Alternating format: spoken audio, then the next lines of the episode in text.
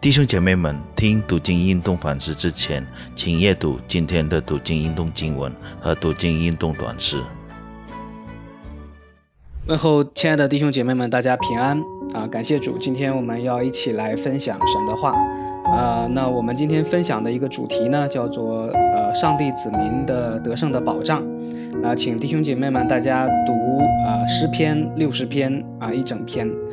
那我我们先取这个其中的两处经文啊来做一个分享的一个经文啊啊，我们取在呃。诗篇第六十篇十一节到第十二节的经文，那先为大家读经。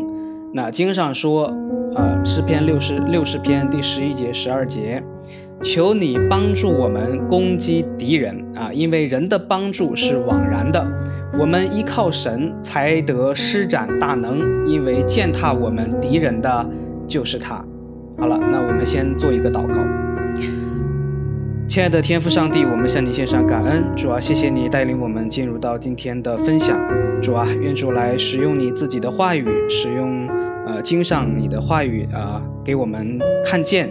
呃，使我们能够透过呃分享主你的话语，使我们得呃能够得着主啊，愿主来亲自看顾我们这样的时间，也愿主来带领你仆人的出口，呃，与我们同与我们同在，我们向你交托，愿主来施恩，呃，在我们中间，我们这样祷告交托，是奉我主耶稣基督的圣名求的，阿门。呃，感谢主弟兄姐妹们，那我们看到哎。呃，这两处经文，包括我们今天分享的题目，叫做“上帝是他子民得胜的保障”。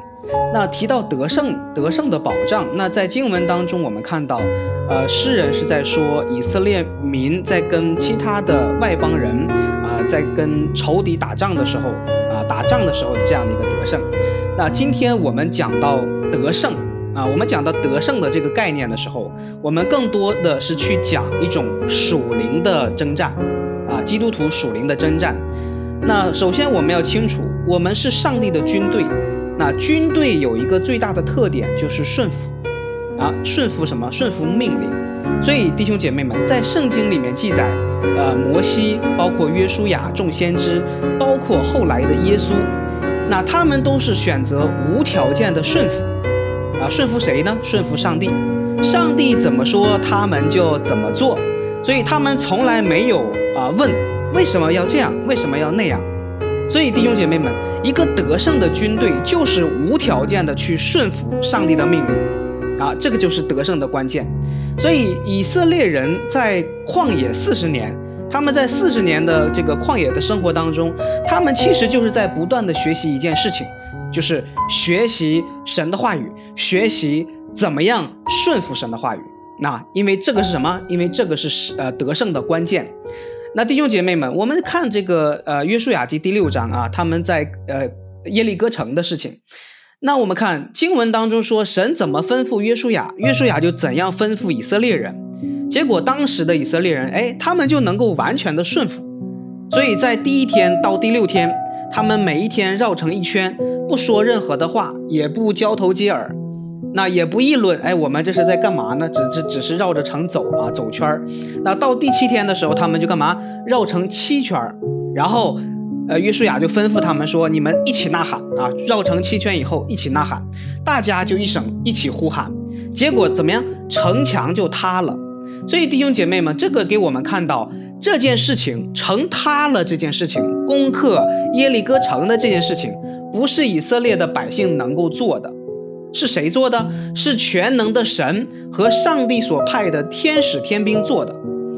但是有一点很关键，弟兄姐妹们，就是以色列的顺服、以色列的合一起到了决定性的作用。所以，如果没有以色列的合一顺服，这场仗的结果就不一样。那所以，弟兄姐妹们，这就给我们一个启示：属灵的仗啊，是谁打？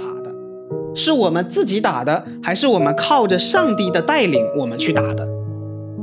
那但是有一点，弟兄姐妹们，我们的圣洁、我们的合一、我们的顺服，在属灵的账上是起到决定性的作用的啊！我为什么这么说？全能的神要透过我们，透过我们什么？透过我们的合一，透过我们的顺服委身，来彰显出他的能力。所以我们的神是全能的神，没错，但他是与我们同工的，我们不是可有可无的一部分，所以我们在属灵的征战过程当中也起作用。但是弟兄姐妹们，神需要我们是一个合一的，是一群合一的。所以在圣经，呃，在新约圣经当中，我们就知道，教会是基督的身体，所以教会的合一、顺服弟兄姐妹的委身，是教会得胜的关键。那弟兄姐妹们，建立教会不是一大群人在一起，不是一群人聚集在一起，而是一群合一顺服的人。不论大小，合一是关键。那这也是为什么主耶稣在钉十字架之前啊，不断的去祷告，要我们在哪儿合一，在他里面合一。那弟兄姐妹们，今天我们看见很多教会没有神迹奇事，很多教会没有使徒行传当中描述的教会的那样的有能力，那就是因为灵里不能合一。所以教会领袖提出来什么，下面的弟兄姐妹啊就议论纷纷啊，这个不是，那个不是，是不是？